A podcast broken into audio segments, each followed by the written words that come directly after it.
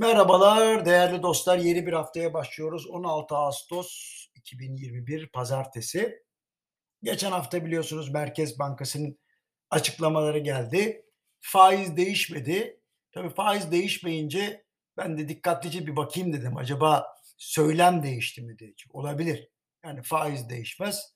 Söylem değişebilir. Ben de ne yaptım? Sizin için Merkez Bankası'nın e, basın metnindeki bazı cümleleri inceledim. İstiyorsanız beraber bakalım. Şimdi her şeyden önce Merkez Bankası para politikasındaki sıkı duruş kararlılıkla sürecek dedi. Şimdi bu cümleyi ezberledik. O yüzden sözde değil özde yaklaşım diyor. İcraate bakıyoruz. Üstünde durmuyorum. Alıştım çünkü. Politika faizi enflasyon üzerinde oluşturulmaya devam edecek. Ha. Şimdi burada kastedilen şu anki enflasyon değil. Herkesin haberi olsun çünkü yanlış hesaplıyor herkes. Beklenti enflasyondan bahsediyor.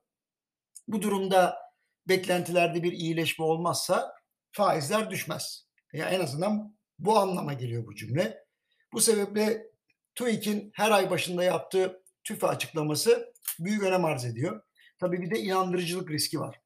Onu da belirtmem lazım. Ne demek istediğimi anladınız. Çeşitli faktörler enflasyon üzerinde risk oluşturmaya devam ediyor. Şimdi bu cümleden net olarak anladığımız şu. Önümüzdeki dönem enflasyonun düşeceğine dair güçlü kanaatler yok. Amerikan Başkanı Biden da e, Amerika Birleşik Devletleri Başkanı Biden da konuşmasında enflasyon riskinden bahsetti. Yani orası bile konuşuyorsa herkes tetikte olması e, gerekir herkesin. E, çünkü bütün dünyada fiyat artışlarıyla alakalı ciddi bir sıkıntı var. E, ancak şunu da söylemek istiyorum. Bir maliyet enflasyonu yaşıyoruz. Hani talep enflasyonu falan değil. Dolayısıyla hani faiz artışıyla bu enflasyonla başa çıkamayız. Onu da söyleyeyim. Yani faizlerin yükselmesine karşı değilim ama faizlerin yükseltilmesiyle de şu anki enflasyonu e, düşüreceğimizi pek düşünmüyorum. Hani onu da söyleyeyim yani ciddi bir sorun var ortada. Altını çizeyim. Şimdi yılın geri kalanında cari işlemlerde fazla verilmesi bekleniyor demiş. İşte bu beni endişelendirdi bu cümle. Geçen seferki metinde de e, bu cümle vardı. Açıkçası cari açık büyüme yapısallığı içindeki bir ülkede cari fazla veriliyorsa demek ki büyüme yavaşlayacak. Yani ilk ve ikinci çeyrekteki hızlı büyümenin sonraki çeyreklerde devam etmeyeceğini buradan anlamamız gerekiyor. Belki de bu sebeple faizleri yükseltmek de mümkün olmuyor. Çünkü yükseltirse bu sefer büyümeyi iyice yavaşlatacağız. Biliyorsunuz hükümetler enflasyon mu büyüme mi dendiği zaman büyümeyi tercih ederler. Enflasyonu mücadele etmezler. Şimdi iktisadi faaliyetler üçüncü çeyrekte dış talebin etkisiyle güçlü seyrediyor. Şimdi bu cümle üstü kapalı şekilde ifade edilen bir gerçek. Bir önceki cümleyle de eşanlı gidiyor. Ne demek?